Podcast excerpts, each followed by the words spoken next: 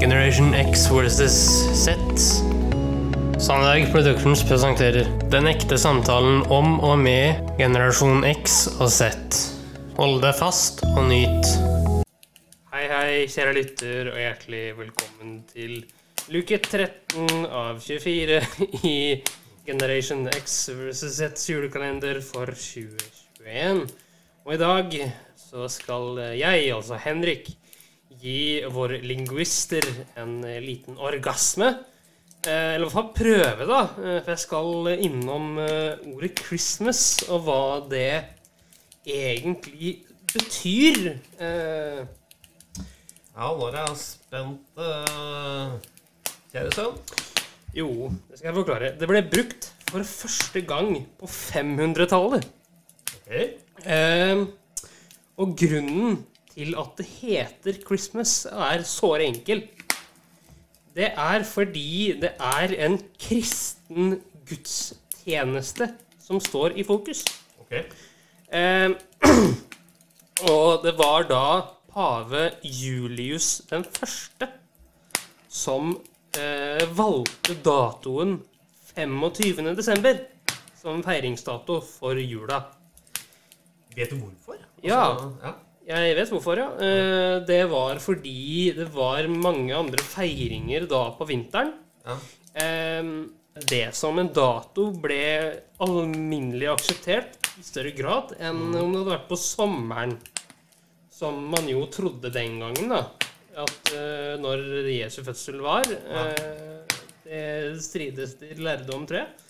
Eh, men det var egentlig det, at eh, jula det har sitt eh, utspring da fra Christmas, altså Christian Mass, eh, hvor da mass er fra gammelengelsk og refererer til en gudstjeneste, eller kirkelig tjeneste, da. ja.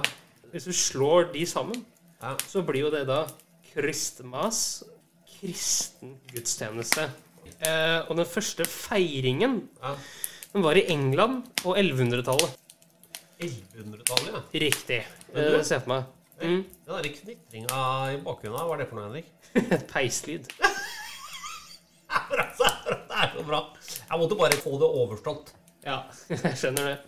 Men uansett så var det det da som var opphavet til det vi i dag kjenner som ordet Christmas.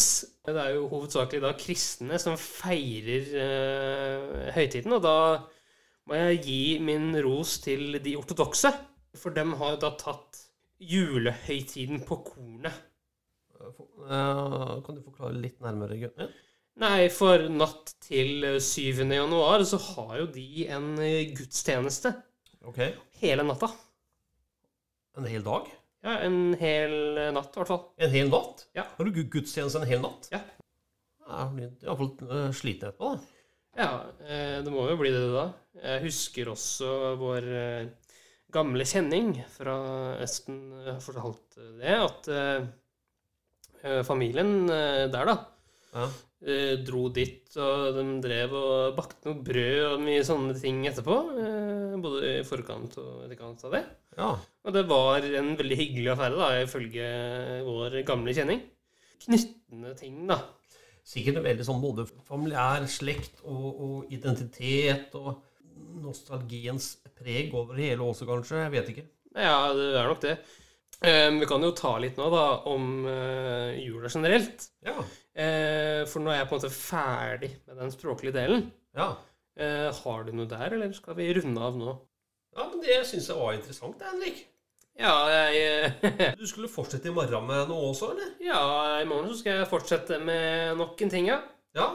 Nei, men Da bare gleder jeg meg til det. Jo, det blir bra, det. Ja, fint da, gutten min. Tusen takk for at du fulgte oss. Gi gjerne tilbakemelding, likes eller kommentar på Facebook-siden vår Generation X versus Z. Velkommen igjen til neste podkastepisode. Hei då!